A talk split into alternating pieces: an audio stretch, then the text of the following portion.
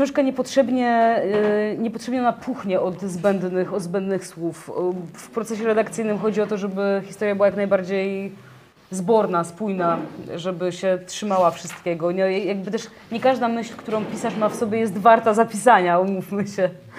To nie, trzeba też umieć sobie tak e, z takim dystansem spojrzeć na swoje własne pisanie i, i nauczyć się odpuszczać rzeczy, które są nieudane albo nieudolne, bo każdemu, kto pisze się takie zdania, po prostu zdarzają. I też nie ma się co wstydzić, bo to jest e, no, naturalne w tym, w tym procesie. Z iluś dobrych zdań napiszemy na pewno kilkanaście, kilkadziesiąt kiepskich. No i tak też było w przypadku mojej książki. A powiedz mi, już wtedy był taki mniej więcej zamysł? Yy, yy, Jeśli rozumiem, że został tutaj ten szkielet i, i creme de la creme z tego, co, co było, tak? Czy jeszcze więcej przerabiałaś, przerabiałaś, przerabiałaś? Mm, To było tak, że z tych 500 stron no, musiałam e, mniej więcej wyrzucić, e, no nie wiem, 6, Czysto, to- to- tak, 70-70% tego, co, co napisałam, ale też nadać temu strukturę. Ta struktura przystanków, która jest w mojej książce, to był pomysł dosyć wczesny, ale też e, ich było dużo więcej na początku. Było ich mm, bardzo dużo, więc sam szkielet, to, to jak to wyglądało, to on tutaj jest. Ale, e, ale dużo było pracy, pracy redakcyjnej z mojej strony, dużo było wrzucania po prostu.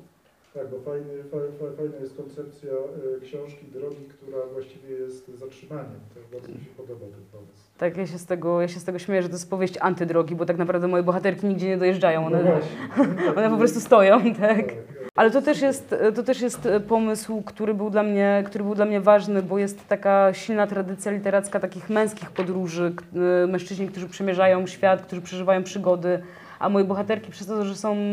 zrobiła. tak, znajdują grala i poznają kobiety i tak dalej, i tak dalej, a tutaj to jest taka antydroga i, i właśnie ten moment zatrzymania, wytchnięcia, trochę odpoczynku od, tej, od tych nieustannych przygód. Wszystko, co się wydarza między moimi bohaterkami, wyraża, wydarza się tak naprawdę w rozmowie, a nie w jakichś niesamowitych przygodach. To też było celowe z To mojej strony. No oczywiście, że tak, tylko że innego rodzaju. Tylko, że innego rodzaju. Czy już nie będzie Odyseuszy? Nie. To co, zaczynamy? Ja już nagrywałem, bo zawsze już przed, przede mną, to później będę musiał się z tego wytłumaczyć, dlaczego tak nagle w środku, ale okej, zaczniemy od czytania, tak? E, tak. Olga się zgodziła, ale nie wszyscy chcą prozatorzy, proza, no właśnie, nie wiem, piszący prozę czytać fragmenty swoich tekstów, e, a Olga się zgodziła i mnie to bardzo cieszy, więc jeżeli możemy, to zacznijmy czytać. E, Ja tylko chciałam na początku powiedzieć e, dzień dobry i bardzo dziękuję, że tak licznie Państwo tutaj są i dziękuję mojej ekipie z Jeżycy, że tutaj też wpadłyście. Bardzo dziękuję. Rozmawialiśmy na początku o tekście mojej babci i- i po- postanowiłam, że przeczytam na początek przystanek pierwszy babcia.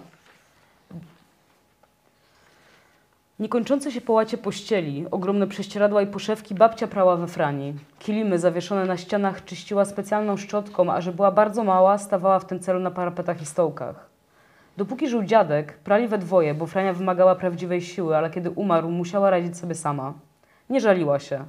Wraz z jej odchodzeniem pranie stało się coraz mniejsze, aż w końcu była w stanie przeprać jedynie bieliznę w rękach. Często powtarzała, tylko w zimie nie umrzeć. Umarła 1 stycznia. Kobiety w mojej rodzinie nie lubiły gotować, lubiły się modlić. Dlatego niewiele mam w pamięci babcinych dań, które mogłabym wpisać w prywatną mitologię. Pamiętam gołąbki, ale nie ze względu na ich smak, tylko dlatego, że babcia opowiadała, jak nocami łapie gołębie pana Szpaka, sąsiada hodującego je w klatkach porozstawianych za kasztanowcem przy piaszczystej drodze, pozbawia piór i gotuje. Nie mogłam nie myśleć o ich oczach, ale i tak je jadłam, chociaż już bez przyjemności. Babcia lubiła żartować. Pamiętam wyraźnie kształt i zapach łyżek i widelców, miseczek, w których podawała nam rosół i te gołąbki. Łyżki były bardzo grube, ciężkie i za duże jak na usta dzieci, a cynowe miseczki miały ozdoby w postaci kolorowych kwiatów i wiejskich domów. Uwielbiałam te sztućce i talerze i zjadałam obiad tylko po to, by móc przyjrzeć się dnu, choć, które choć znane zawsze mnie zaskakiwało. W każdym przedmiocie w domu dziadków kryła się tajemnica. Babcia miała poszewki na poduszki wydziergane z włóczki, a na nich ptaki w takich kolorach, jakie nie występowały w znanej mi przyrodzie. Miała prodzisz, którym parzy- poparzyłam się jako dziecko i lodówkę z radzieckim napisem Mińsk. Miała też ciężki telewizor i pierwsze wideo, na którym razem z dziadkiem oglądali śluby i wesela naszych rozlicznych braci i sióstr ciotecznych, komunie kolejnych wnuków. Sama robiła masło, które jadłam łyżkami, kiedy nie patrzyła. Miała landrynki, których nie pozwalała mi gryźć, ale i ja, niecierpliwa głębi ich smaku, która nigdy nie nadchodziła, i tak to robiłam. Pierwszy i ostatni raz to ja okryłam ją puchową kołdrą i patrzyła jak zasypia. Nie wyłączyłam nawet telewizora, nie zapaliłam lampki. Siedziałam na krześle naprzeciwko niej w zimny grudniowy wieczór i patrzyłam jak powoli oddycha. Przyniosłam węgla z komórki i obiecałam sobie, że będę ją częściej odwiedzać. Nie zdążyłam. No dobrze, to zaczniemy od tej pamięci, jeżeli mogę, bo z, y, przyzwyczailiśmy się do takiej roli literatury, nie każdej oczywiście, ale w wielu przypadkach mamy do czynienia z taką literaturą, która zapisuje, żeby zapamiętywać, żeby złapać to, co jeszcze, to, co jeszcze się udaje. I po części ten fragment też jest o tym, ale z drugiej strony pojawia się taka, e, taka wątpliwość u twojej narratorki, gdzie nie gdzieś, że nie wszystko jesteśmy w stanie zapamiętać. To tego dziadka nie, nie tak nie do końca taki jak on był, pamięta tylko, że go odprowadzał, że ją odprowadzał do, do, do szkoły, ale nie pamięta szczegółów. I teraz właściwie moje pytanie jest takie, czy faktycznie skoro y, nas pamięć tak zawodzi, to warto jej ufać w ogóle? Warto to... To jest bardzo ciekawe pytanie, ponieważ e, moja intuicja jest taka i myślę, że to jest doświadczenie wielu z nas, że e, pamięć nas bardzo zwodzi i zawodzi. Ale nie dlatego, że, e, że żyjemy w zakłamaniu, tylko dlatego, że taka jest też jej natura i struktura. E, Pewne rzeczy pamięć uwypukla, pewne rzeczy oświetla bardzo mocno, a niektóre znowu spycha w, gdzieś w jakieś odmęty. Pewnych rzeczy wybieramy nie pamiętać, pewnych rzeczy po prostu nie zapamiętujemy, pewne nie są istotne. A czasem zdarza się zapamiętać detal albo szczegół, który wydawać by się mogło jest w ogóle nieistotny, a staje się centrum naszych, e, naszych wspomnień. Więc pamięć jest taką e, materią bardzo kruchą, bardzo delikatną i taką, której e, nie można ufać bezwzględnie, ale cóż innego mamy z drugiej strony. Mhm. Nie, nie, możemy posługiwać się niczym innym. To jest nasza pamięć, ona tak działa, mm, tak wybiera i właśnie tak jak powiedziałam, oświetla pewnego rodzaju elementy i wspomnienia, że e, mimo, że nie możemy mieć do niej pełnego zaufania, to i tak nie mamy innej podpory. Mhm. Każdy z nas ma swoją pamięć, każdy z nas e, przetwarza fragmenty sz- swojej rzeczywistości, swojego doświadczenia i tylko temu możemy zaufać. Oczywiście posiłkujemy się wspomnieniami e, naszych bliskich, rodziców, dziadków i z nich też budujemy fragmenty naszej tożsamości. Ale tak jak, tak jak mówię, kiedy zostajemy sami ze sobą, to cóż innego nam zostaje niż własna, niż własna pamięć. A z takiej dziurawej pamięci da się utworzyć dobrą narrację? Jak to? Jak, jakie masz poczucie? E, wiesz, totalną? Byłoby mi łatwiej odpowiedzieć na to pytanie, gdyby moja książka była autobiograficzna. O to mnie często e, pytają różne osoby, ile jest mnie tak naprawdę z narratorki. E, I muszę przyznać, że im dłużej trwa opowiadanie o mojej książce, im dłużej jeżdżę na różne spotkania, tym dochodzę do. E, tym mniej. Tym mniej. Już się bałem, że już nie wiesz wtedy. Nie, to jest, to jest, to jest tym mniej. Oczywiście, to jest, mój, to jest mój debiut, to jest moja pierwsza książka i wiadomo, że narratorka jest w jakiś sposób obdarzona moją wrażliwością. E, Jest z Radomia, tak jak ja, jest lesbijką, tak jak ja, ale to są tylko pewnego rodzaju dekoracje, których używam, e, bo by tak miło łatwo, łatwiej pisać. E, Wydaje mi się, że moja bohaterka jest odważniejsza ode mnie, a też moje życie nie wydaje mi się na tyle interesujące, żeby pisać o niej książkę. Dlatego, e, dlatego kiedy pytasz mnie, czy z dziurawej pamięci można stworzyć spójną narrację, to odpowiadam nie wiem. Dlatego, że e, akt pisania jest aktem kreacyjnym, to jest jednak wymyślanie. Więc oprócz pamięci dochodzi do tego jeszcze taki e, proces kreatywny, któremu mus, musiałam poddawać e, pewnego rodzaju fragmenty mojej rzeczywistości i je po prostu wymyślić. Mhm. Pytam też e, trochę e, szerzej nie, nie, nie tylko o Twoje życie i życie narratorki, ale też myślałem o tym, e, jak ważne dla niej i pewnie, i dla, pewnie nie tylko dla Ciebie, ale dla wielu ludzi ostatnio są lata 90. Wielu ludzi je wspomina z takim e, dużym sentymentem, że było tak e, fajnie, a u Ciebie to jednak e, trochę bardziej e, brud i ubóstwo. E, I teraz pytanie, która ta narracja, czy jak, jak właściwie, trudno by było powiedzieć, zadać Ci pytanie, która narracja jest prawdziwa, ale nie boisz się, że Twoja nie jest kompletna? O tych latach 90. ta opowieść? Nie boję się tego, że moja opowieść o latach 90. nie jest kompletna, ponieważ e, to, o czym mówisz, czyli to, że teraz lata 90. są tak mocno e, w kulturze i popkulturze eksploatowane i wspomina, wspominane i też traktowane z dużą dozą nostalgii, to jest dla mnie okej. Nie ma nic złego z, w wspominaniu czasów swojego dzieciństwa i to dotyczy nie tylko mojego dzieciństwa w latach 90., ale wszystkich Państwa w czasach, w których dorastali. Każdy z nas darzy swoje dzieciństwo nostalgią. To jest naturalne i z tym nie ma, nie ma co walczyć. Mi zależało na tym, żeby tą narrację poszerzyć nie tylko o jakieś takie emblematy typu komiksy z Kaczerem Donaldem i Guma Turbo, ale żeby też pokazać, że e, ten moment w polskiej historii był bardzo na- nacechowany bardzo dużym dramatem wielu osób. niektórzy y, odnosili gigantyczne sukcesy i udało im się zbudować y, bogate, interesujące życie, a niektórzy zostali przez tą trans- transformację po prostu przejechani jak, jak walec. Y, I w moim mieście rodzinnym, ale nie tylko w moim rodzinnym mieście, ponieważ Radom jest pewnego rodzaju egzemplifikacją. To pod Radom możemy tutaj podstawić bardzo wiele innych miejsc Tak, tak. w całej Polsce. Mm, Bardzo wiele osób przegrało na tym, na tym procesie transformacyjnym i oczywiście, że y, moja narracja nie jest pełna, ale klasa społeczna, z jakiej pochodzi moja bohaterka, Mhm. moja narratorka, była dla mnie ważna. Było dla mnie ważne to, żeby opowiedzieć historię y, kogoś, kto musi się zmagać z problemami klasowymi, dlatego że wciąż jeszcze mało o, tym, mało o tym mówimy, ponieważ nie jest prawdą, że wszyscy startujemy z tego samego miejsca. I to jest być może banalne, ale ja się nie boję banałów. Mm, Nie startujemy wszyscy z tego samego miejsca. Każdy z nas ma inny początek, inną drogę, inną rodzinę, yy, inne otoczenie Mm, i przez to też filtruje swoją rzeczywistość. Mhm. Więc kiedy zadajesz mi pytanie o to, czy ja się nie boję tego, że moja narracja nie jest pełna, to w ogóle nie ma we mnie takiej, e, takiej obawy, ponieważ moja bohaterka, żeby być taką osobą, jaką się staje, e, musiała dorastać właśnie w takim e, środowisku i w takiej klasie, w jakiej dorastała, jaką ją obdarzyłam. No tak, każdy banał ma zawsze antybanał, nie? Że ktoś będzie przerzucał się drugim banałem, więc trzeba te banały czasami powtarzać, żeby je zwalczać. A chciałem jeszcze Cię zapytać, jesteśmy przy latach 90., e, taki fragment, pozwól, mogę? Oczywiście, jasno.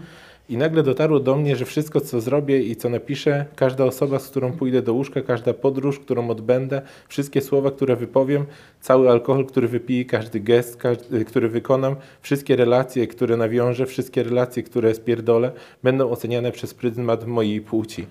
I ja sobie tak pomyślałem, zmieniło się coś od lat 90., czy my ciągle tkwimy w tym samym? Jak pamiętasz to doświadczenie?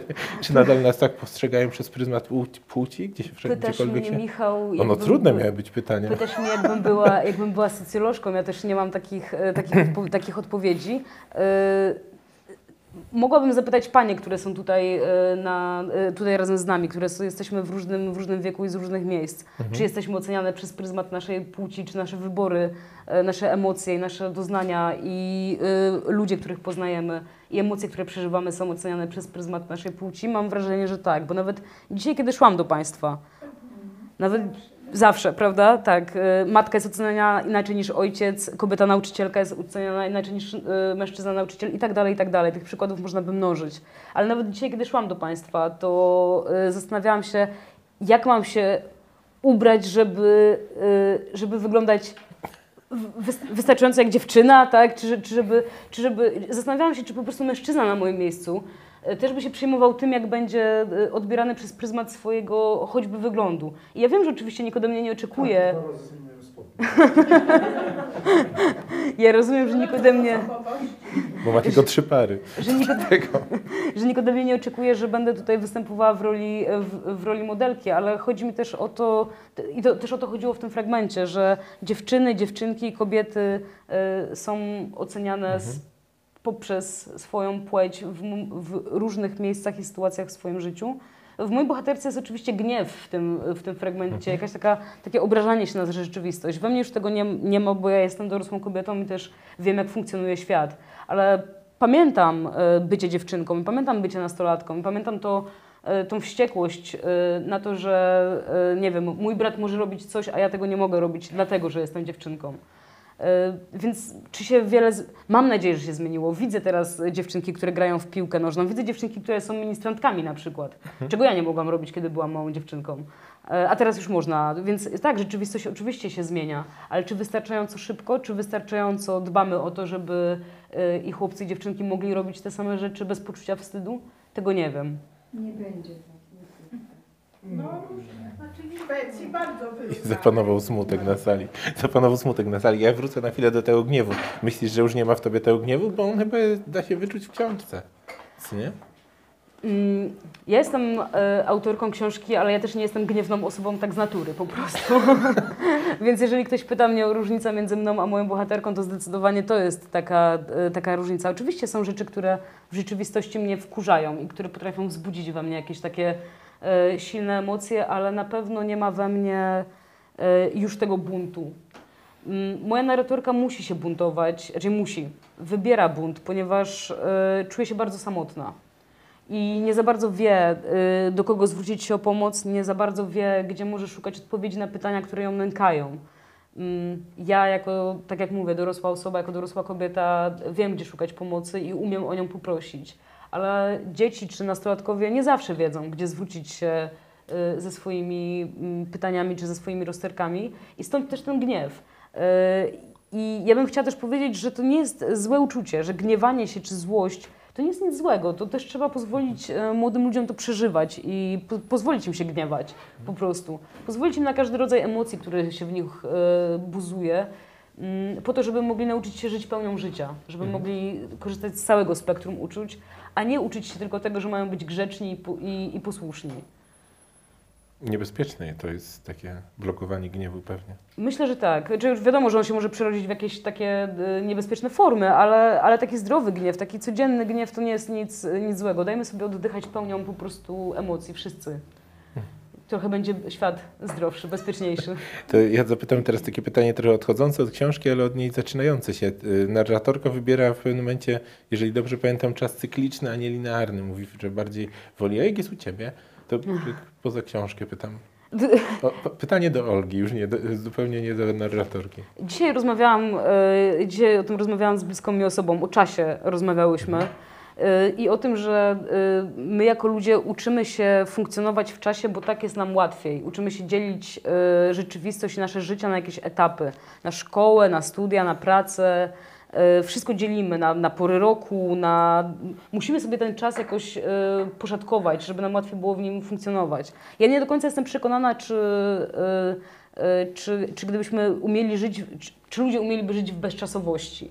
Ponieważ e, wydaje mi się, że to byłoby bardzo, e, bardzo trudne, że ludzie potrzebują jednak struktury, żeby się w niej e, odnajdywać. Ja im jestem starsza, tym mocniej odczuwam ten rytm pół roku na przykład zmieniających się. Mniej już myślę o latach, które mijają, o tym jaki mamy rok, a silniej przywiązuję się do tego, jak, jak zmienia się świat i, i rzeczywistość. I w tym rytmie, takim cyklicznym, zmiennym pół roku jest mi jakoś tak, nie wiem, bezpieczniej, cieplej i bardziej, bardziej naturalnie. Kiedy byłam m- m- młodsza, to na pewno e, stawiałam sobie jakieś cele w czasie. A teraz e, staram się ten, ten rytm jakoś tak Mhm. zbliżyć się do tego, do tego naturalnego rytmu i według niego żyć na tyle, na ile oczywiście mogę. Mhm. Mówisz tutaj o czasie naturalnym, a o takiej obrzędowości też? Żyjesz obrzędami? Czy żyję obrzędami? Hmm. Czy wiesz, o dzisiaj jest na przykład tam jakaś data, to trzeba coś tam zrobić. Lubię świętować urodziny. To jest taki obrządek, który ja osobiście Ale lubię. nieważne które. Nie, nie, nie, nie nieważne, nieważne które. Ja mam 34 lata, więc jestem w takiej, y, w takim, w takiej połowie. W, te, w, w, te, w takim miejscu, gdzie jestem, y, gdzie jestem w, jakiejś połowie. Nie wiem jeszcze, co jest przede mną, nie wiem, co mnie, co mnie czeka, ale ja osobiście lubię celebrować y, urodziny. To jest jakiś dla mnie taki miły, miły zwyczaj. Moja bohaterka za to dorastała w tych obrzędach, oczywiście związanych z wychowaniem w kościele katolickim, i to było dla niej ważne, i to ogniskowało też jej wyobraźnię i jej czas.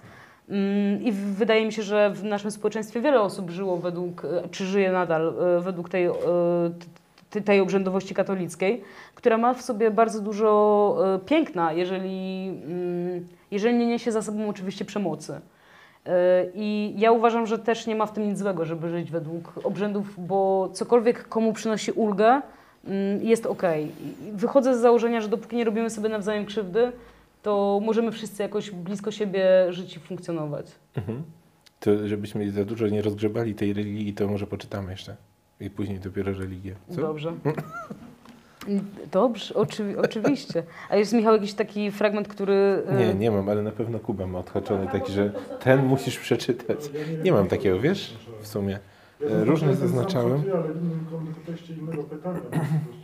To, to, to później. To może przeczytam przystanek pod strasznym tytułem. Okej. Początek miałam obiecujący. Dzieciństwo powolne, prowincja nie ulegała wpływom zbyt szybko, nawet jeśli było nią 200-tysięczne miasto w środku Europy. Rządziła się własnymi prawami, które nie pochodziły od instytucji, tylko wyłaniały się w długich interwałach historycznej konieczności. Luki w rozumieniu uzupełniały się powszechnymi przekonaniami i mądrością starszyzny. Dorastałam więc w warunkach permanentnej stagnacji, a groźny, wielki, pełen problemów świat nie miał do mnie dostępu. Byłam autorytarną cesarzową w maleńkim państwie, sprawowałam rządy sprawiedliwej tyranki. Środkowy i najmłodsza byli moimi nieświadomymi poddanymi, którzy gorliwie wykonywali wszystkie moje polecenia. Kiedy jednak wydostali się spod mojego czujnego spojrzenia, zrozumieli, że żyli w dyktaturze starszej siostry. Rzeczywistość, którą zastałam na zewnątrz naszego podwórka, okazała się nie do zniesienia. Najmłodsza niczego się nie bała, we mnie z kolei wszystko budziło lęk. Duże ulice i samochody, wysokie budynki, obcy dorośli, których twarze rozciągały się, a głosy deformowały, kiedy próbowali do mnie mówić. Paliłam się ze wstydu, nie rozumiejąc, czego ode mnie chcą. Nie słyszałam ich, jakbym miała watę w uszach. Bałam się szkoły i wszystkich dzieci, które do niej chodziły, a zwłaszcza bliźniaczek niedziałkowskich. Brudnych dziewczynek o chłopięcej budowie i zachrypniętych głosach, jakby wszystkie tanie ruskie papierosy, które wypalili ich rodzice i cały śliwkowy w barwie bimber, który wypili, wyżerały gard dzieciom gardła. Bałam się mamy Michała z tej samej ławki, która w porównaniu z Baśką była stara i gruba i miała dziwną brązową narość na twarzy, pokrywającą się na wiosnę lekkim meszkiem. Bałam się kobiet, którym rosły wąsy i mężczyzn o czerwonych twarzach. Wreszcie bałam się przyrody. No dobrze. E, Wspomniałeś o tej religii jako obrzędowości. Ja chciałem zapytać o to, że o, te, o tą religię jako miejsce spotkań, o takim, e, no właśnie, oazy i te wszystkie rzeczy dookoła, których, jak już wiem, nie uczestniczyłaś sama. Jest to tylko cecha, znaczy jest to tylko pamięć narratorki, już nie twoja. Ale chciałem cię właśnie zapytać o to, bo z jednej strony to nie jest to, co się przypisuje religii, prawda? Religii się przypisuje raczej prędzej już te opowieści o, o, o tej tradycji, o, o, o Bogu jako takim i tak dalej. A u ciebie właściwie religia jest takim miejscem, w którym narratorka może spotkać ludzi. M- Muszę Państwu wyznać, że zazwyczaj mówię do publiczności, która jest m- młodsza, a nawet młodsza ode mnie. I wtedy muszę tłumaczyć pewne rzeczy. Muszę tłumaczyć na przykład to, że y, w latach 90. y, nie było zbyt wielu miejsc, gdzie można było się po prostu sp- spotkać, zwłaszcza kiedy dorastało się na blokowisku. To były takie miejsca niebezpieczne, gdzie y, raczej młodzież oddawała się rozrywkom typu picia taniego wina i palenie papierosów.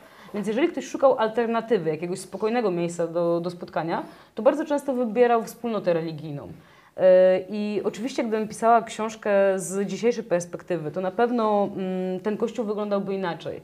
Ale obiecałam sobie, że moja narratorka oczami dziecka i oczami nastolatki będzie opowiadała o kościele z tamtego momentu. I rzeczywiście kościół był taką alternatywą, gdzie można było poznać rówieśników, pojechać na wakacje, pojechać na ferie, pograć w ping-ponga mm, i, i kogoś poznać. Ludzie się tam poznawali, zakochiwali, chodzili na randki. To była taka wspólnota, która zastępowała mm, inne grupy rówieśnicze. Więc jeżeli ktoś szukał alternatywy w takim mieście, które był, było przeorane przez historię, jak na przykład Radom, e, to często wybierał e, Kościół. I wydaje mi się, że często dostaję takie sygnały od byłych ministrantów albo e, osób, które należały do scholi czy do oazy, że rzeczywiście tak było, że oni tam chodzili po to, żeby być z rówieśnikami, żeby spędzić po prostu miło czas, pograć w piłkę albo e, pojechać na, na ognisko. No, z drugiej strony to też e, trochę zakłamuje obraz, nie? Że z jednej strony myślimy, że to są takie, były takie lata, w których dzieci uczestniczyły w oazie, a tu się okazuje, że one by tam uczestniczyły, żeby randkować w sumie.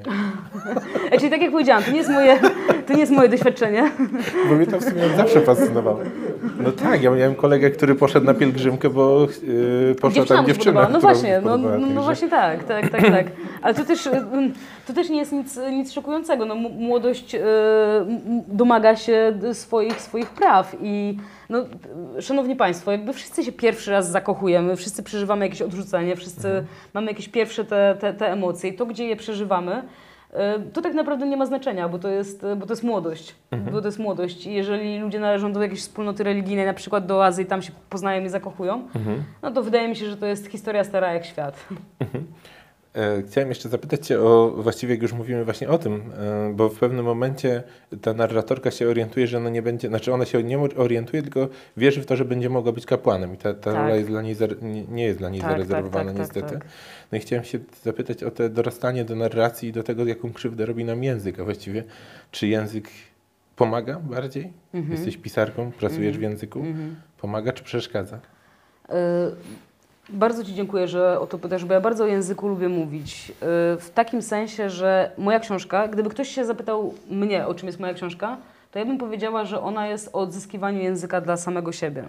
Ponieważ jeżeli nie mamy słów, którymi możemy się nazwać, samych siebie, rzeczywistość, która nas otacza, jeżeli nie mamy pojęć, jeżeli nie mamy narzędzi analitycznych, które pozwalają nam nazywać rzeczywistość, to naprawdę jesteśmy bardzo samotni.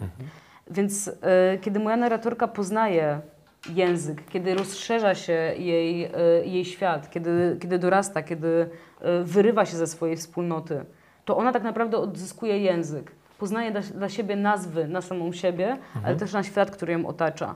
Bo jeżeli nie, nie ponazywamy siebie, jeżeli się nie umiem nazwać, jeżeli nie umiem zdefiniować swojego miejsca w rzeczywistości, to wszędzie czuję się nie na miejscu. Moja bohaterka czuje się bardzo nie na miejscu, ona się czuje bardzo osamotniona.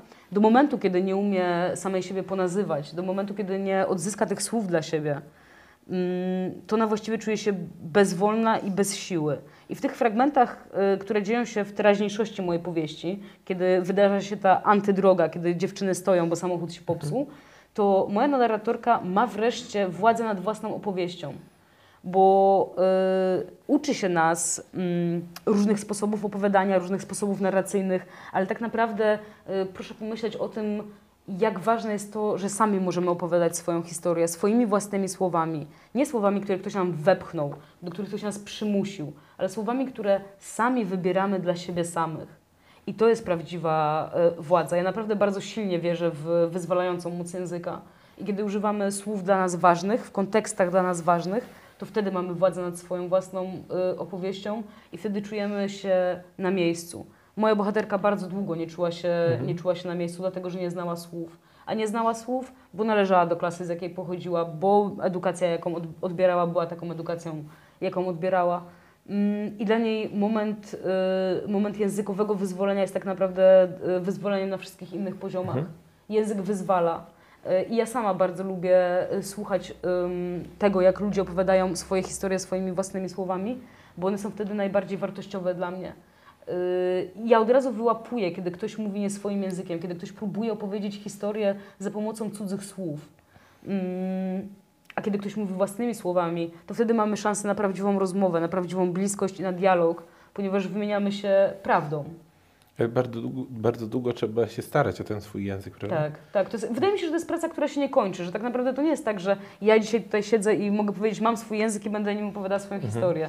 Ja chcę się go uczyć, ja chcę go cały czas poznawać. Cały czas chcę poznawać słowa, które opisują e, moją rzeczywistość i bardzo często uczę się języka od innych e, osób i również z literatury, ponieważ tak naprawdę nie ma pisania bez czytania. E, I to również wyłapuję, kiedy, kiedy widzę książkę pisarza, który nie czyta książek.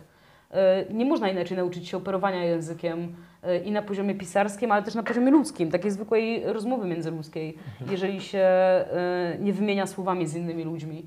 Mm, Mówiąc wprost, nie można być cały czas we własnej głowie. Trzeba z niej wyjść i poznawać języki, słowa i słuchać uważnie. Tylko ze słuchania e, wydarza się prawdziwa rozmowa i tylko ze słuchania wydarza się prawdziwa, dobra literatura, według mnie oczywiście. I tak y, słucham, słucham Ciebie i jednocześnie sobie myślę o tym, że, e, że na 192 i nie wiem, czy bardziej Olga, czy bardziej narratorka, podoba mi się myśl o świecie przed słowami, przed mową i przed pismem. Chciałabym znać taki świat. Chciałaby Olga znać? Chciałabym, bo jestem, jestem bardzo ciekawa, jak wyglądał świat przed komunikacją. Przed komunikacją, jaką my e, znamy, jak, Werbalną. tak, przed werbalną komunikację. Komunikacją. Jestem bardzo, bardzo ciekawa, jak, e, jak wtedy wyg- wyglądało wyrażanie emocji. E, My też lubimy się taplać w słowach. Słowa są już trochę zużyte w, e, dla nas. Nazywamy wszystko takimi dużymi słowami. Dzisiaj nawet rozmawiałam o tym z Jakubem, że ja też mam skłonność do używania dużych słów. Prawda, miłość, e, to są takie potężne, potężne pojęcia. Ale czasem, czasem warto mówić mniej żeby się otworzyć na innego rodzaju sygnały. Byłabym ciekawa świata przedwe, przedwerbalnego. No ale nigdy nie będę miała y, szansy go, go poznać. Bo gdybym mogła podróżować w czasie, to chciałabym tak naprawdę podróżować wstecz. Bo przyszłość jest niepokojąca, ale przeszłość jest y, pasjonująca. Jestem z wykształcenia historyczką, więc dla mnie to też jest y, intrygujące z tego punktu widzenia. Jak, jak wyglądało nasze społeczeństwo, jak ono się rozwijało, jak doszliśmy do tego miejsca, gdzie wyrzucamy z siebie te y, karabiny maszynowe po prostu słów, całe salwy, salwy słów. Jak kiedyś musiało to wyglądać y, inaczej. Y, Jeżeli mówimy o używaniu słów, to nie wydaje Ci się, że one tak samo jak te opowieści i te duże narracje mogą się zużyć, czy, czy ludzie uwielbiają się jednak powtarzać i, i nie czują zużycia i dalej się taplają w tym samym? No, o właśnie. Ja sobie myślę, że tak naprawdę wszystkie historie już zostały opowiedziane, wszystkie słowa już zostały wypowiedziane y, i każdy rodzaj historii został opowiedziany. Ale to nie, nie zwalnia nas z chęci ani też z obowiązku opowiadania historii, bo y, jest. y, Weźmy, weźmy choćby historie, historie biblijne, które są opowiedziane w takim kanonie, który, który znamy, ale można by je opowiedzieć, jak wyglądałaby historia y, Adama i Ewy z perspektywy Kaina i Abla, gdyby oni ją opowiadali. Albo co powiedziałaby Ewa, albo co powiedział, y, powiedziałby Adam. Jakby jest tyle możliwości opowiedzenia jednej historii, nie, właściwie nieskończona ilość wariacji, którą można powiedzieć jedną historię, że to jest wciąż ciekawe i dlatego y, spotykamy się tutaj i czytamy książki, mimo tego, że przeczytaliśmy już ich ileś tam w życiu, dlatego że y, możemy wciąż tą samą historię opowiadać na różne sposoby. Dla mnie to się nigdy nie wyciera, bo gdyby to się dla mnie wycierało, to bym tutaj dzisiaj nie siedziała i nie napisałabym książki. Ja muszę też wierzyć w to, że y, opowiadanie ma taką y, moc i poznawania, i wyzwalania, y, i że jest w ogóle wartościowa. Mm, Jest nadmiar słów, jest nadmiar książek, jest nadmiar e, mówienia, ale z drugiej strony możemy znaleźć takie przestrzenie, e, w których te, te, te słowa nie tracą na wartości. No tak jak mówię, gdybym, gdybym uważała, że to się, że to się wyciera, to, to nie napisałabym książki. No tak. Znaczy, tu, tu pewnie się różnią od siebie słowa od, y, od samej opowieści, nie? Chyba, bo jednak słów musimy szukać nowym, jak przed chwilą mówiłaś, że trzeba nazwać rzeczy, które jeszcze nie zostały nazwane. Szczególnie dla tych, którzy jeszcze przeżywają rzeczy nienazwane, nie? Ja myślę, że też ważne jest, y, że też ważne jest. mm, To jest niekończący się proces, ale kiedy myślę o mojej narratorce, kiedy była dziewczynką i nastolatką, to y, słów i narracji brakowało jej jako, jako dziecku.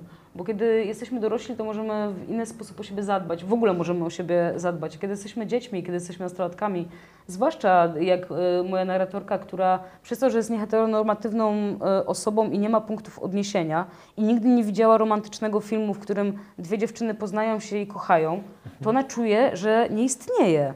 Bo widziałam mnóstwo filmów i czytałam mnóstwo książek, w których chłopak podrywa dziewczynę, idą na randkę, y, całują się, nie wiem, przeżywają jakieś y, miłe, miłe chwile, miłe uniesienia. Ale ona się czuje tak bardzo samotna, ponieważ nie wierzy w to i nie wie tego, że to samo może spotkać, y, spotkać ją samą. I te historie są ważne dla osób, które czują się tak bardzo, bardzo samotne, y, kiedy, kiedy dorastają i, kiedy są młode. I nie ma w tym, nie ma w tym nic złego, ani w tym nic. y, y, nie powinno w tym być nic złego, w tym, że każdy z nas szuka obrazu siebie w literaturze, czy w filmie, czy w popkulturze. Bo chcemy siebie oglądać, chcemy y, upewnić się, że nie jesteśmy na świecie zupełnie sami. Jeżeli ktoś opowie naszą historię albo historię nam bliską, to, y, to poczucie osamotnienia się zmniejsza. Jeżeli możemy przejrzeć siebie, choćby w książce, czy tak jak powiedziałam w filmie, y, to człowiek czuje się bardziej ukorzeniony w, w rzeczywistości. No dlatego opowiadanie historii jest ważne. No a czasami jeszcze tak u twojej narratorki nie wie, co się dzieje po tym, jak już są w łóżku, bo Mhm. nigdy tego nie pokazywali we filmie. Tak, jest taki tak, tak, moment, tak. prawda? No, Że ale jakby- to, to, to, rzeczy, to chyba tak rzeczywiście jest, że filmy kończą się na tym Tak, tak. U, ujęciu, potem jest poranek i nie Kamera wiadomo, zjeżdża na, na okno. i nie wiadomo, i nie wiadomo, co się, nie wiadomo, co Nie wiadomo, stało. co robić wobec tak, tego. Tak. A, Dlaczego pewnych, kamera nie zjeżdża na okno? a nie, każdy, nie każdy miał rodziców czy środowisko, w którym mógł zapytać o pewne rzeczy, a pewnie im, e, e, im osoby są starsze, tym ciężej było w ogóle jakiekolwiek Mhm. źródła, źródła wiedzy. No więc uczymy się, do dzisiaj dzieciaki uczą się rzeczy z filmów. e, Czy, Mhm. czy, właśnie, czy właśnie z książek, więc e, opowiedzmy im, opowiedzmy im w jakiś taki dobry, czuły, wartościowy sposób, żeby nie mieli wypaczonego obrazu, choćby miłości. Dla twojej bohaterki takim źródłem wiedzy było brawo między innymi. No tak, brawo to jest bardzo złe źródło, źródło wiedzy. Ja myślę, że, że dzisiaj by to już po prostu nie, nie, nie, nie przeszło, ponieważ dantejskie się tam działy sceny i o, o, okropne rzeczy, ale z drugiej strony jak nie ma innych źródeł, a to były czasy przedinternetowe, gdzie nie można było zweryfikować tych informacji, no to gdzie, gdzie tego szukać? Dzisiaj każdą rzecz możemy, możemy sprawdzić. Każda rzecz podlega jakiejś y, źródłowej analizie, a wtedy, mm, jeżeli to było jedyne dostępne źródło, ta gazeta w kiosku, y, to wszyscy I gość niedzielny. tak, i wszyscy myśleli, że tak właśnie jest. Że tak właśnie jest, jak napisano, jak napisano w Brawo zostało. Gość niedzielny z miksem z brawo. I uczymy się życia. No takie są, takie są rejestry, w Tak, których tak, dorastała, w jakich dorastała moja, moja bohaterka. Z jednej No, strony niestety gość niedzielny, z pamiętam. drugiej strony Brawo, a z trzeciej strony komik z Kaczorem Donaldem. Takie miała źródło wiedzy. I takie narracje. I takie narracje. Tak. Dobrze, to ja znalazłem fragment, który chciałbym, żebyś przeczytała i pewnie on nam trochę domknie tą część. To jest, trudno mi będzie powiedzieć, bez nienumerowana strona, 101, druga, 103, do Hani, 103. jeżeli możemy. Oczywiście. Ja przepraszam, bo jestem trochę przeziębiona. Mm. Uprzejmie przepraszam, ale teraz muszę się pozbyć. Dobra, nadmiaru listowy. Będę zagłuszał. Już za późno. Pierwszy raz kochałam się z tobą na ostatnim piętrze starej, obskurnej kamienicy na Franciszkańskiej w Łodzi. Budynek został rozebrany krótko po tym. Cały dygotał przy najlżejszym podmuchu wiatru, skrzypiały w nim okna, opadały gzymsy, śmierdziało na klatce. A kiedy obok przejeżdżał tramwaj, to chwiał się tak, że byłam pewna jego końca. Nad wejściem do klatki wisiał napis do rozbiórki, ale mieszkańcy kamienicy tak bardzo do niej podobnie nie zważali na jej dygotanie, zbyt zajęci własnym. Kiedy kochałam się z tobą po raz pierwszy, wszystko drżało, ale tym razem nie od mojej nieporadności. Tylko ty byłaś warta tego, żeby w Wielki Piątek powiedzieć Baśce, że jestem taka. Problemem był język, problemem zawsze jest język. Nie wiedziałam, co znaczy taka, nie miałam pojęcia, że znów będę musiała opanować język, zupełnie mi obcy, kulturę, do której tak bardzo bałam się przynależeć, że będę częścią tej samej grupy, która jeździ na Love Parade do Berlina, a nie na Lednicę. Że jestem lesbijką. Mhm. I przejdźmy do najważniejszego, do muzyki. Dobrze. Nie oszukujmy się. E, Widziałem, że gdzieś napisałaś, że to nie jest e, twoja playlista, to co znajdujemy w książce. Tak. Ci, którzy jeszcze nie czytali, znajdujemy tu wszystko od Papa Dance poprzez jakąś muzykę organową, ale to nie jest twoja playlista, więc najpierw o twoją playlistę. Czego słuchasz? E, Ja słucham dużo soulów z lat 60. E, Bardzo lubię rock progresywny, taki klasycznie rozumiany, na przykład Pink Floyd. Bardzo lubię e, Led Zeppelin, więc to są moje, e, moje rzeczy. Ale nie ukrywam, że mam bardzo dużą słabość do muzyki z lat 80., dlatego że moja mama jej dużo słuchała, kiedy byłam dziewczynką, więc na przykład dyskografia Madonny jest mi bardzo bliska. Ale y, y, we mnie, jak, kiedy pisałam książkę, to przypominałam sobie te różne, różne kawałki. Y, One w większości są bardzo złe. To ja od razu mówię dla osób, które jeszcze nie czytały książki, że to są zazwyczaj bardzo złe piosenki. Ale one tak silnie przenoszą mnie w tamte momenty. Na przykład y, kiedy myślę o końcu milenium, o roku 99, to non-stop w radiu i w telewizji leciała piosenka Billy Sher i ja naprawdę jestem w stanie przenieść się w tamten moment za pomocą tego, tego utworu. On był wszędzie i, i rzeczywiście pamiętam rok 99 jako, jako, jako, rok tej, jako rok tej piosenki. To mi pomagało, to mi pomagało w pisaniu po prostu, przenosić się w te, w te czasy, które już dla mnie były też tak naprawdę zagrzebane, bo nigdy nie miałam takiej... e, Kiedy zaczynałam pisać tę książkę, to ja nie myślałam, że będę się tak mocno przenosiła w tamtą rzeczywistość. A muzyka zdecydowanie pomogła mi się w, w nią przenieść. No i ja lubię słuchać muzyki, bardzo dużo jej słucham i, i prowadziłam kiedyś nawet audycję radiową, kiedy byłam studentką i sobie tam mogłam puszczać Co różne, chciałaś? różne I puszczałaś modlitwę łzy. Nie, nigdy nie puściłam zespołu, zespołu Łzy, bo tak naprawdę za nim nie przypadam, ale, ale, Ale jakby nie on, nie byłoby tytułu. ale gdyby nie on, nie byłoby tytułu, to prawda. E, To ja tylko muszę jeszcze z obowiązku zapytać swojego, e, prywatnego może bardziej niż e, jako prowadzący. Czułam muzykę w swoim drobnym ciele i bałam się, że już nigdy mnie nie opuści.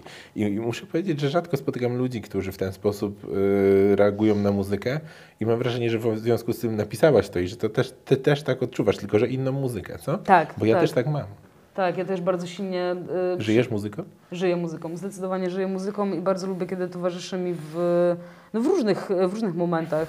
E, Wychodzę sobie codziennie na, na, na spacer i sobie słucham na przykład, nie wiem, Marvina Gaye'a albo e, e, sama Kuka ostatnio, o, na przykład słuchałam, tak? I te, te, słucham dużo Niny Simon, kiedy, kiedy spaceruję. Lubię przeżywać muzykę, muzyka mnie wzrusza. Dl- Dla mnie nawet warstwa tekstowa jest nieważna tak naprawdę w muzyce. Nie muszę rozumieć, o czym e, wykonawca albo wykonawczyni śpiewa. Ważniejsze są dla mnie dźwięki. Czasem tak bardzo mnie poruszają, że przepraszam, że się tym dzielę, ale potrafię się rozpłakać po prostu ze wzruszenia y, dźwiękami. A, y, a już muzyka klasyczna czy muzyka operowa to w takich rejestrach na mnie działa, że, że naprawdę ch- chodzę bardzo poruszona muzyką. Dlatego też muszę sobie ją e, dawkować. No, gdybym ja miała układać swoją playlistę, może kiedyś to zrobię, e, to na pewno byłaby to taka, taka muzyka, która do głębi mnie po prostu porusza. Ale tak, tak, muzyka mi bardzo, bardzo towarzyszy e, mocno w moim, w moim życiu. Ale przeboje tworzyły też naszą narrację, prawda? Oczywiście, że tak. No to są takie, bo wiecie, dzisiaj Chłopcy. My z Nowic. na przykład, dzisiaj jest tak, że źródeł muzyki, źródeł wszystkiego jest więcej.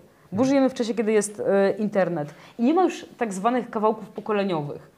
E, Wydaje mi się, że takie utwory już nie istnieją. Kiedyś było tak, że tych źródeł muzyki było mało, wszyscy słuchaliśmy tego samego radia, wszyscy słuchaliśmy tej samej telewizji i w, większości słuchaliśmy tych samych płyt. No i na przykład e, płyta Myslowiec Miłość w czasach popkultury to był mega hit, tak? Jakby całe Cała płyta, nie? tak, cała płyta i całe pokolenie tego, tego słuchało. Ludzie się utożsamiali z tymi piosenkami i e, kiedy pytam moich rówieśników, czy osoby troszkę starsze, czy troszkę młodsze, to dla nas wszystkich jest to punktem odniesienia. Myślę, że już dzisiaj nie ma tego pokoleniowego doświadczenia muzycznego, dlatego że źródeł muzyki jest po prostu bardzo dużo. No a jak się e, szło, no na przykład ja mam takie wspomnienia, że chodziłam na takie targowisko w Radomiu e, i tam sobie leżały płyty wypalone nie wiem jakim sposobem, nie wiem skąd po prostu i, i kupowaliśmy te, te, te podróbki z wydrukowanymi okładkami i słuchaliśmy tego samego. I dlatego też to taką e, bliskość pokoleniową e, budziło. A o Myslowic i o chłopców to e, praktycznie wszyscy mnie, e, bardzo dużo osób do mnie pisze i mówi, przypomniałaś mi tę płytę, to była świetna płyta, słuchałem jej całe, całe dzieciństwo na przykład, tak albo całe dorastanie. Oni mają tak, że po latach jednak twierdzą, że to nie było już takie fajne? Wiesz. Yy, akurat Myslowic chyba przeszło próbę Tak? czasu. Tak mi się wydaje, że Myslowic chyba przeszło próbę czasu. Te teksty są dalej e, poruszające i ta muzyka Asher? dalej. Asher? Dla mnie tak, dla Wiesz- mnie tak. Dla mnie przeszła próbę, próbę czasu. I Dla mnie, want to believe. dla, mnie, dla mnie przeszła próbę czasu. No ale to są gusta, to są gusta i guściki. Ale myślę, że myślę, że akurat Myslowic przeszło próbę czasu i ostatnio jak byłam w Łodzi na, w Łodzi na spotkaniu, to minęłam na ulicy Piotrkowskiej Artura Rojka i chciałam do niego podejść i mu coś powiedzieć, ale nie wiedziałam co, więc darowałam Masz, masz sobie. za tych chłopców. Mogłam mu książkę dać, No ale właśnie. nie wożę ze sobą swojej książki, więc Poszukaj siebie. tak. No dobrze, w ten sposób będę powoli oddawał Ciebie publiczności. Na pewno mają pytania, bo Kuba ma, ma pozaznaczone, a reszta na pewno ma mniej zaznaczone. A szanowni Państwo, zapraszam, ale nie naciskam. Ale masz, możesz czuć się dość, wiesz, dość luźno. Nie naciskam Doleję zupełnie. wody. Dziękuję. Kuba, obiecałeś. Dziękuję Ci za, za, za, za tą książkę. Bardzo, bardzo, e, bardzo mnie cieszy. Nie wiem właśnie, nie mam pytań. Kuba Fajna zareklamował, to jak tak. coś to można kupić. E, Nie, nie, nie, ma, nie ma pytań, ale e, ja to, że czy, czy, to, to, czy ja jestem lesbijką, czy, czy nią nie jestem, a jestem i mówię o tym za, zawsze na samym początku, dlatego żeby nie pozostawiać też wątpliwości, ale też żeby nie rozprawiać, żeby mojego życia prywatnego mm, nie mieszać z, z, z, z książką, tak, z literaturą. Dlatego, że e, ja tego nie wybrałam. I teraz jest mi e, łatwo o tym mówić, bo jestem, e, bo jestem, do, bo jestem dorosła, ale oczywiście miałam swoje, swoje przejścia i swoją, swoją historię. Mm, ale fajne jest to, co ty mówisz, Kuba, i to, co, co też słyszę od różnych e, osób, bo na przykład e, nie wiem, czy Państwo wiedzą, ale bardzo dużo po lekturze książ, książki napisało do mnie matek, e, dzieciaków i, i dorastających, dorastających osób. Napisało do mnie bardzo dużo matek, e, mówiąc mi, że e, one nie wiedzą, co przez co przechodzą na przykład ich dzieci. Napisało do mnie bardzo dużo m, moich rówieśników mężczyzn, heteroseksualnych mężczyzn, którzy mówili, odnajduję się w Twojej książce, bo tak samo jak Ty pamiętam oazę i tak samo jak Ty e, pamiętam dorastanie w latach 90. Wydaje mi się, że, e, że to, co jest uniwersalne w mojej książce i może to jest e, jakoś, nie wiem, niegrzeczne z mojej strony, żeby o tym mówić, ale z drugiej strony też chcę to powiedzieć. I to już trochę o tym powiedziałam. Wszyscy się pierwszy raz zakochujemy. E, Wszyscy mamy relacje rodzinne, mamy jakieś rodzeństwo rodziców, wszyscy mamy jakąś walkę, którą, którą toczymy. Nie ma znaczenia, kim jesteśmy. Tak, bo miłość, którą przeżywamy, bo uczucia, które, których doznajemy, one są naprawdę uniwersalne. Wszyscy jesteśmy e, dorastającymi ludźmi, albo nimi byliśmy i, i przeżywaliśmy te wszystkie burze dorastania.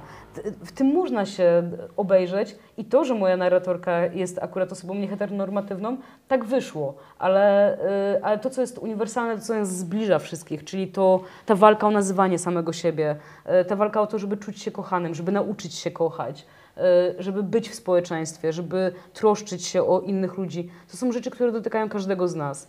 A już taka rzecz, jak pierwsza miłość, jest naprawdę, e, mm, do, dotyka, dotyka każdego z nas. I to, jaka ona jest, to tak naprawdę nie ma znaczenia, bo ból odrzucania jest ten sam i euforia miłości jest taka sama. Może ja, No, ja też. chciałam powiedzieć krótko, że ja y, czytając y, w niektórych momentach y, czułam się, jak przeżywałam to y, dzieciństwo narratorki, y, porównywałam do swojego.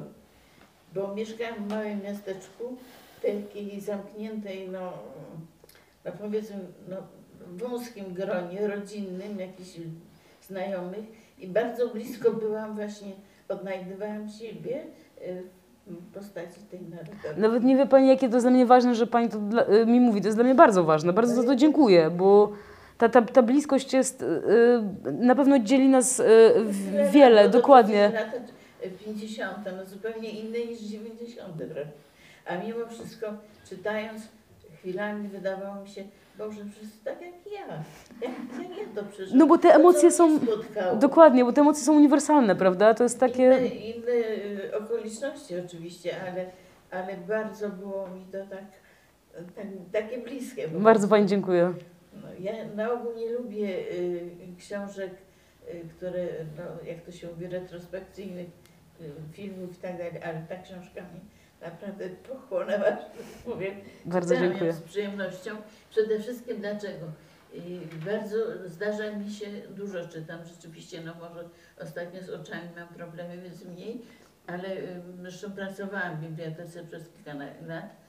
Y, Są książki, gdzie czytam, no niestety, ale przerzucam kartki, opuszczam, bo za dużo jest y, zupełnie zbędnych rzeczy. A tu nie, w Pani książce było, no nie było możliwości, żeby chociaż pół strony opuścić. Nie, tu trzeba było wszystko przeczytać, od, jak to się mówi, od deski do deski. No, a przede wszystkim bardzo właśnie dziękuję, że, bo dawno nie spotkałam takiej książki, której ja w narratorce widziałabym siebie. Jest mi bardzo miło, bardzo dziękuję naprawdę. A ja jeśli mogę, można Alicja? Tak, tak, ja Przeczytam trzy razy Pani. O Boże, dziękuję. Tak, tak, tak. Za każdym razem inny I od razu mówię, tam jest samo mięsko w tej książce. Przede wszystkim sposób y, przedstawiania y, świata. Y, y, bardzo spodobał mi się taki, taki myk, że tak powiem, że wymienia Pani niektóre rzeczy ciurkiem Mhm. z domu babci, y, z tych takich rytuałów, z tych mm, jakby, no te, te, te realia w sumie i czasem one są z różnych kategorii, jedna przy drugiej, a tworzą świat. Parę wymienionych tych rzeczy z różnych tych płaszczyzn tworzy świat. I szczerze powiedziawszy, nic więcej nie trzeba na ten temat napisać. Szczerze powiedziawszy, jedno jest o powiedzmy przedmiocie, drugie jest o jakimś działaniu, trzecie jest o jakimś... Trzecie jest na przykład wiecznie znużony lekarz i wytapirowana położna. Tak, Te cztery słowa cztery tworzą słowa to jest To atmosferę jest takiego małomiasteczkowego oddziału ginekologicznego. takiego świata. I więcej nic nie trzeba. Chwyciłam się, a przy trzecim, no za trzecim razem łzy mi się pokazały. I tak prawdziwa książka pod względem psychologicznym, pod względem e, znajomości e, natury ludzkiej, co więcej dodać? Jeszcze, jeśli mogę, jeszcze jedno. Wszyscy powinni w całym naszym kraju przeczytać tę książkę. Jestem bardzo wdzięczna za to wszystko, co, co Pani powiedziała, zwłaszcza jestem bardzo wdzięczna za to, e, że powiedziała Pani, że to jest dla Pani prawdziwe, że, że, to, są, że to jest prawdziwie e- emocjonalne, bo w pisaniu, e, pisanie to jest wymyślanie i to jest wymyślanie postaci i sytuacji, ale mi bardzo, bardzo zależało na tym, żeby emocje mojej bohaterki, mojej narratorki były prawdziwe, żeby tam nie było nuty fałszywej, żeby tam nie było, yy, tak jak wspomniała Pani o babci, żeby tam nie było jakiejś takiej typowej gadki, że babusia siedziała i jakieś mądrości prawiła. Nie, w ogóle nie o to chodzi. Możemy, możemy być niemądrzy, możemy być... Yy, moja bohaterka ponosi, ponosi po, po, porażki. Ja chciałam, żeby ona była prawdziwa. Ja chciałam, żeby jej nie wychodziły rzeczy. Ja chciałam, żeby, że- żeby ona była w jakiś sposób yy, niedoskonała bo niedoskonałości również tworzą tą, tą prawdę. I to, że Pani zwróciła uwagę na, na tą prawdziwość emocjonalną, to jestem wdzięczna za te słowa, ponieważ o to mi chodziło. Chciałam, żeby moja bohaterka miała prawdziwe emocje. Tak, ona to jest no, naprawdę wiarygodna. Tam, to jest prawda o człowieku. Po prostu prawda o człowieku. Bardzo dziękuję. Ja też mogę, jeżeli mogę zapytać, bo e, też dziękuję za książkę e, i e, zwiększyła mój język. E, a czy Pani pisząc tą książkę też poczuła, że ten język troszeczkę się Pani przez to zastanawianie się, tworzenie się troszeczkę zmienił? Czy ona wpłynęła na Panią też? Czy Olga przed, Olga po? No właśnie. Jak w reklamie teraz. Wie pan, y, Olga przed, Olga po. Dwa zdjęcia ci zrobiłem. że tak, że tak, tak, wpłynęła na mnie moja książka, ale nie, nawet nie jeżeli chodzi o, y, o język. To nie o to chodzi, że poznałam nowe słowa, których nie znałam wcześniej. Y, Chodzi o to, że, mm, że się że zwolniłam, uspokoiłam się, że pomyślałam sobie, że y, w tym odzyskiwaniu opowieści, poprzez które, którego dokonuje moja narratorka, moja bohaterka, i również ja mogłam uzyskać y, pewną władzę nad, nad opowiadaniem. Mm, Zanim napisałam tę książkę, byłam dużo bardziej rozdryganym człowiekiem. Takim, który też emocjonalnie ym, z pewnymi rzeczami sobie nie radził. A teraz, kiedy, kiedy ją napisałam i teraz, kiedy widzę, że, że ona y, działa na inne osoby, ona się nie musi podobać. Mi też nie o to chodzi, żeby wszyscy, żeby się wszystkim podobało. To nie jest, to nie jest obowiązek. Nie ma takiej ustawy, żeby moja To książka się, żeby się wszystkim y, y, podobała, ale kiedy dostaję te sygnały mm, ciepła, jakiegoś odnajdywania się w, w mojej powieści, to, to spływa na mnie jakiś taki spokój, bo myślę sobie, że dobrze wykonałam pracę. Że dobrze wykonałam pracę i, y, i jestem dzięki mojej książce spokojniejsza, ale to, to jest też wasza zasługa, przepraszam, że mówię tak, tak na ty, bo muszę przyznać, że z, ze wszystkich moich spotkań, a to jest już moje 15 spotkanie autorskie, Jestem już naprawdę y, fizycznie też zmęczona y, podróżami i, i, i mówieniem o, o książce. Y, To, to spotkanie ma w sobie tak dużo ciepła, że ja też czuję, że, że to jest bardzo dobre zakończenie, bo to jest też moje ostatnie spotkanie autorskie w tym, w tym sezonie i jestem Państwu bardzo wdzięczna za, za to, że tak to, że tak to wygląda. Ja się zmieniłam. Dobrze, że nie poprzez- było pierwsze. Dobrze, że nie było pierwsze, tak. Zmieniłam się i poprzez pisanie, ale poprzez też rozmawianie z ludźmi o, o mojej książce, bo okazuje się, że, że ludzie chcą o niej rozmawiać. Że, że ludzie chcą się też dzielić swoimi emocjami i y, nigdy się tego nie, nie spodziewałam się tego. Nie spodziewałam się, że ludzie będą się ze mną dzielić swoimi emocjami i czuję taką wdzięczność, ale też dużą odpowiedzialność za to, że przychodzą Państwo i mówią odnalazłem się, odnalazłam w mojej książce. To jest bardzo duża odpowiedzialność, ale też jestem wdzięczna bardzo za to. Ja jeszcze chciałam powiedzieć, że y, muzyka, której narratorka słuchała w latach 90. Dla mnie ta muzyka już praktycznie nie istnieje. Mhm. Ja, y, ja żyję muzyką lat 60. Po prostu jazz, Armstrong, te wszystkie po prostu postacie takie, ale czytając, ja rozumiałam tą dziewczynę. Po prostu ona chłonęła muzykę, tak jak ja chłonęłam. Ona chłonęła muzykę Oczywiście. lat 90. To, tą muzyką żyła. Ja żyłam muzyką lat 60. Oczywiście, bo to Bardzo ją rozumiałam. Po prostu było to dla mnie takie, y, um, dziewczyna w zupełnie innym środowisku, ale robi to, co robiłam ja. Przeżywa to, co przeżywałam ja, prawda? Bardzo to takie było ważne dla mnie. Ponieważ dekoracje się zmieniają, ale my jako ludzie się nie zmieniamy. To dźwięki mogą się zmienić, ale przeżywanie emocji się nigdy nie zmieni. To, to nie, oczywiście to nie, ja wymyśl, to nie ja wymyśliłam. Dlatego możemy czytać dramaty Szekspira dzisiaj, które mają po 500 lat, dlatego że y, łaknienia, pragnienia ludzkie się, się nie zmieniają. I jeżeli ktoś y, to dostrzeże, tą bliskość, to, to, to, no to wtedy może tworzyć y, literaturę, z którą się będziemy po prostu utożsamiać y, przez lata. Bardzo, bardzo, mm, narratorka bardzo y, była dla mnie bliska, jakby bliską osobą. W tych momentach odnajdywałam siebie. Nie? Poza tym pani poruszyła sprawę języka. Mhm. W sumie bardzo ważna rzecz pani poruszyła już prywatnej, ale to jest w tej książce, że te nazwane rzeczy porządkują tego człowieka Mhm. jakoś, ale no przecież on dojrzewa w tej nazwie się, no jestem taki, to, to, to, i tak dalej. Przecież na tym polegają psychoterapie, Mhm. że się umie nazwać i ktoś podpowie człowiekowi, co on przeżywa, bo nazwie, no to jest to bardzo trudne. Bardzo jest trafna pani, pani intuicja, bo nazywanie to jest naprawdę oswajanie y, y, rzeczy. Czasem, czy nie wiem, nie chcę mówić za wszystkich ludzi, ale czasem jest tak, że usłyszy się jedno słowo i na człowieka spływa olśnienie. Nigdy nie pomyślałabym, nie pomyślałbym o tym słowie. Czasem wystarczy naprawdę jedno słowo i, i na człowieka spływa coś takiego. Takie poczucie, że wreszcie, wreszcie wiem, wreszcie wiem, jak, y, co to jest. To weszło jakby, jakby na swoje miejsce. Tak, coś. tak, tak, tak. Na tym to Tak. Jeśli mogę tylko na moment, Mhm. bo y, też była mowa o tych, tej ciekawości dotyczącej tego, co było przed językiem i e, przypominają mi się takie różne hipotezy dotyczące tego, że język taki rozbudowany, nie ten taki służący komunikacji, po- po- podaj coś tak prostego, wywodzi się przede wszystkim z magii we wszystkich kulturach Mhm. że te pierwociny języka to były zaklęcia. Jakby to w kontekście tego wydaje mi się, że to jest taka ciekawa myśl, że ten język magiczny był performatywny. Mhm.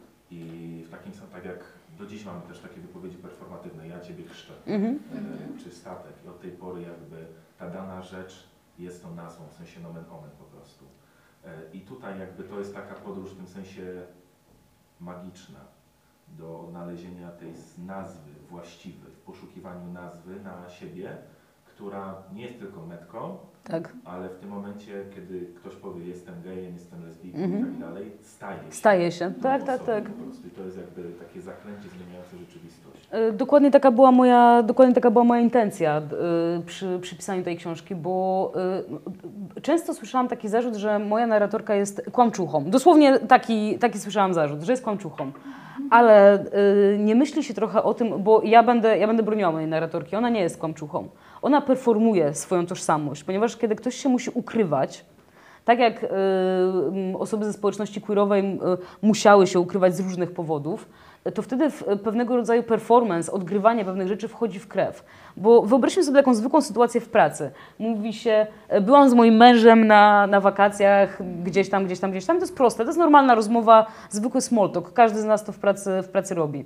Ale kiedy y, jest się gejem albo, albo lesbijką, zwłaszcza w, w, kiedy cofamy się w czasie, teraz już się to trochę na szczęście zmienia, to człowiek lawiruje językiem. Nie, nie dookreśla płci swojego partnera albo swojej partnerki, jakoś tak obchodzi, tą, obchodzi ten temat.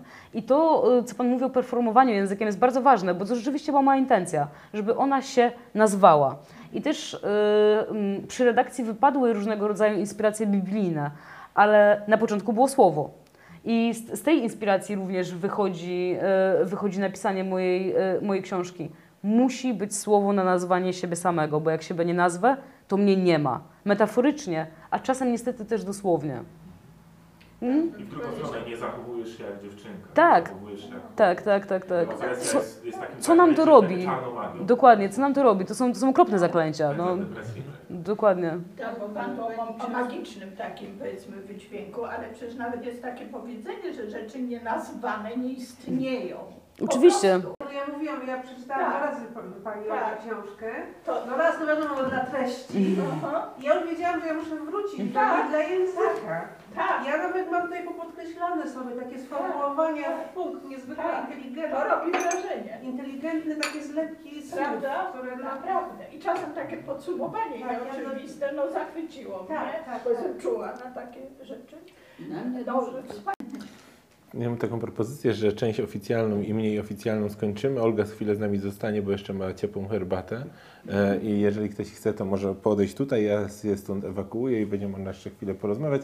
A Państwa zosta- tutaj też wewnętrzne rozmowy czytelników można też urządzać. A ja Olga Tobie bardzo dziękuję, że przyjechałaś do nas z Ja pierwszą wam bardzo książką. dziękuję za- Mam nadzieję, że z kolejnymi też przyjedziesz do nas. Jeśli będą kolejne. No mam nadzieję, Czy że coś się dzieje? będzie. Pisanie? Jestem na rezydencji literackiej w Poznaniu. więc więc pisz. tak na dłużej, tak?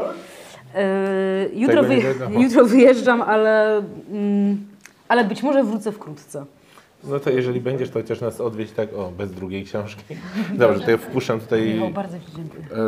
E, jeszcze też do Ciebie podejdę, bo jak już Dobra, wszyscy już się mam zmęczą. od- już Tak, tak. mam- Jak już Cię wszyscy zmęczą, to jeszcze, też jeszcze podejdę. Przyjdę Ci, wiesz, Ja jak coś, ja będę, ja będę tym mistrzem, słuchaj. ja się poczęstuję z Leszkiem. Tak. tej ceny odliczuje 40%. 40%, tak. Jak coś, to wiesz, ja przyjdę, to ja będę ten znoszony. Także proszę podejść, jeżeli ktoś chce. Przepraszam, muszę się ewakuować na zaplecze.